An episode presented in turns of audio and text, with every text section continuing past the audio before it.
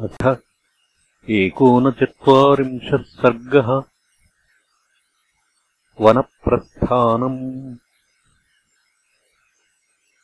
रामस्य तु वचः श्रुत्वा मुनिवेशधरम् च तम् समीक्ष्य सह भार्याभिः। राजा विगतचेतनः नैनम् दुःखेन सन्तप्तः प्रत्यवैक्षतराघवम्।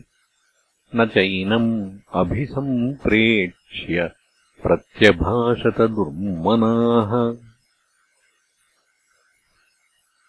स मुहूर्तमिवासञ्ज्ञो दुःखितश्च महीपतिः। विललापमहाबाहू राममेवानुचिन्तयन्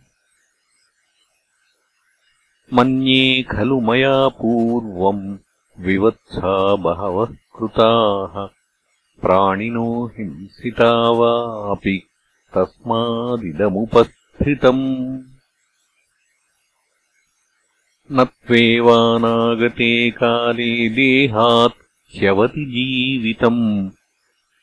कैकेय्या क्लिश्यमानस्य मृत्युर्मम न विद्यते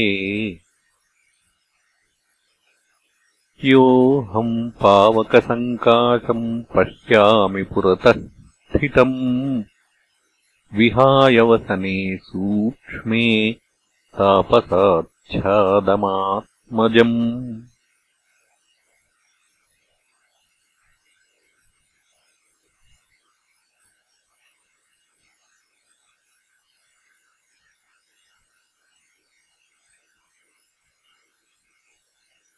एकस्याः खलु कैकेय्याः कृतेयम् क्लिश्यते जनः। स्वार्थे प्रयतमानायाः संसृत्य निकृतिम् त्विमाम् एवमुक्त्वा तु वचनम् बाष्पेण पिहितेक्षणः। रामेति सकृदेवोक्त्वा न शशाकः। सञ्ज्ञान्तु प्रतिलभ्यैव मुहूर्तात् समहीपतिः। नेत्राभ्याम् अश्रुपूर्णाभ्याम् सुमन्त्रमिदमब्रवीत्। औपवाह्यम् रथम् युक्त्वा त्वमायाहि हयोत्तमैः प्रापयैनम् महाभागम्। हितो जनपदात्परम्। एवमन्ये गुणवताम् गुणानाम् फलमुच्यते। पित्रा मात्रा च यत्साधुः वीरो निर्वाह्यते वनम्। राज्ञो वचनमाज्ञाय सुमन्त्रः शीघ्रविक्रमः योजयित्वाययौ तत्र रथमश्वैरलङ्कृतम् तम् रथम् राजपुत्राय सूतः कनकभूषितम्। आचचक्षेऽञ्जलिम् कृत्वा युक्तम् परमवाजिभिः। राजा सत्वरमाहूय व्यापृतम् वित्तसञ्चये उवाच देशकालज्ञम् निश्चितम् सर्वतः शुचिम् वासांसि च महार्हाणि भूषणानि वराणि च वर्षाण्येतानि सङ्ख्याय वैदेह्याः क्षिप्रमाणय नरेन्द्रेणैव मुक्तस्तु। गत्वा कोशगृहम् ततः प्रायच्छत् सर्वमाहृत्य सीतायै सममेव तत्।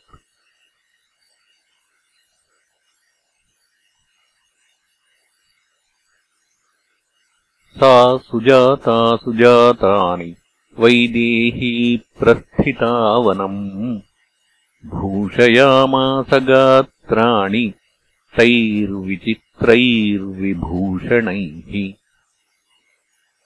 व्यराजयत वैदेही वेश्म तत्सु विभूषिता उद्यतोऽंशुमतः काले खम् प्रभेव विवस्वतः। ताम् भुजाभ्याम् परिष्वज्य श्वश्रूः वचनमब्रवीत्। अनाचरन्तीम् कृपणम् मूर्ध्न्युपाघ्राय मैथिलीम्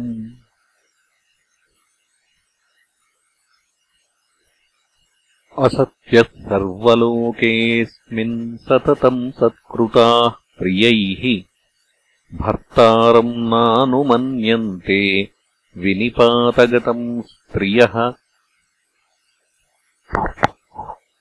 एष स्वभावो नारीणाम् अनुभूय पुरा सुखम् अल्पमप्यापदम् प्राप्य दुष्यन्ति प्रजहत्यपि। असत्यशीला विकृता दुर्ग्राह्यहृदयाः सदा। युवत्यः पापसङ्कल्पाः क्षणमात्राद्विरागिणः न कुलम् न कृतम् विद्याम् न दत्तम् नापि सङ्ग्रहम्। स्त्रीणाम् गृह्णाति हृदयम् अनित्यहृदया हि ताः साध्वीनाम् हि स्थितानाम् तु शीले सत्ये श्रुते शमे स्त्रीणाम् पवित्रम् परमम् पतिरेको विशिष्यते। स त्वया नावमन्तव्यः पुत्रः प्रव्राजितो मम। तव दैवतमस्त्वेष निर्धनः सधनोऽपि वा। विज्ञायवचनम् सीता तस्या धर्मार्थसंहितम् कृताञ्जलिर्वाचेदम् श्वश्रूमभिमुखे स्थिताम्। करिष्ये सर्वमेवाहम् आर्यायदनुशास्ति माम् अभिज्ञास्मि यथा भर्तुः वर्तितव्यम् श्रुतम् च मे न मामसज्जनेनार्या समानयितुमर्हति धर्माद्विचलितुम् नाहम् अलम् चन्द्रादिवप्रभा। नातन्त्रीवाद्यते वीणा नाचक्रो वर्तते रथः। नापतिः सुखमेधेत या स्यादपि शतात्मजा मितम् ददाति हि पिता मितम् माता मितम् सुतः। अमितस्य हि दातारम् भर्तारम् का न पूजयेत्। साहमेवम् गता श्रेष्ठा श्रुतधर्मपरावरा। आर्ये किमवमन्येऽहम् स्त्रीणाम् भर्ता हि दैवतम्। सीतायावचनम् श्रुत्वा कौसल्या हृदयङ्गमम् शुद्धसत्त्वा मुमोचाश्रु सहसा दुःखहर्षजम्। ताम् प्राञ्जलिरभिक्रम्य मातृमध्येति सत्कृताम् रामः परमधर्मज्ञो मातरम् वाक्यमब्रवीत्।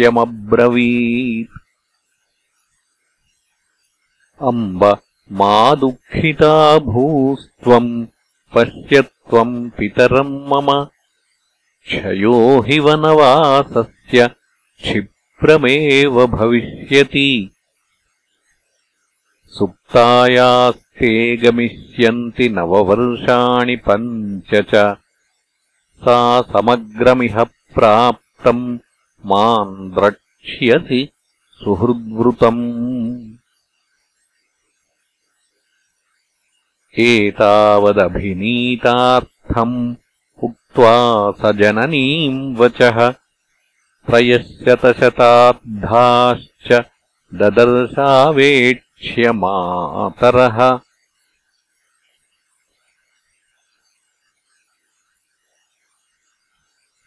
ताश्चापि स तथैवार्ता मातॄर्दशरथात्मजः धर्मयुक्तमिदम् वाक्यम् निजगादकृताञ्जलिः। संवासात्परुषम् किञ्चित् अज्ञानाद्वापि यत्कृतम् तन्मे समनुजानीत सर्वाश्चामन्त्रयामि वः वचनम् राघवस्यैतत् धर्मयुक्तम् समाहितम् शुश्रुवुस्ताः स्त्रियः सर्वाः शोकोपहतचेतसः। जज्ञेथ तासाम् सन्नादः क्रौञ्चीनामिव निःस्वनः मानवेन्द्रस्य भार्याणाम् एवम् वदति राघवे।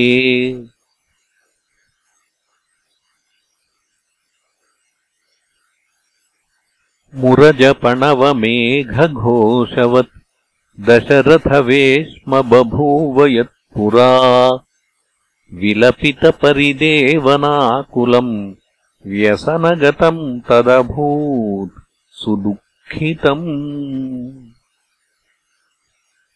इत्यार्षे श्रीमद् रामायणे वाल्मीकीये आदिकाव्ये अयोध्याकाण्डे एकोनचत्वारिंशः सर्गः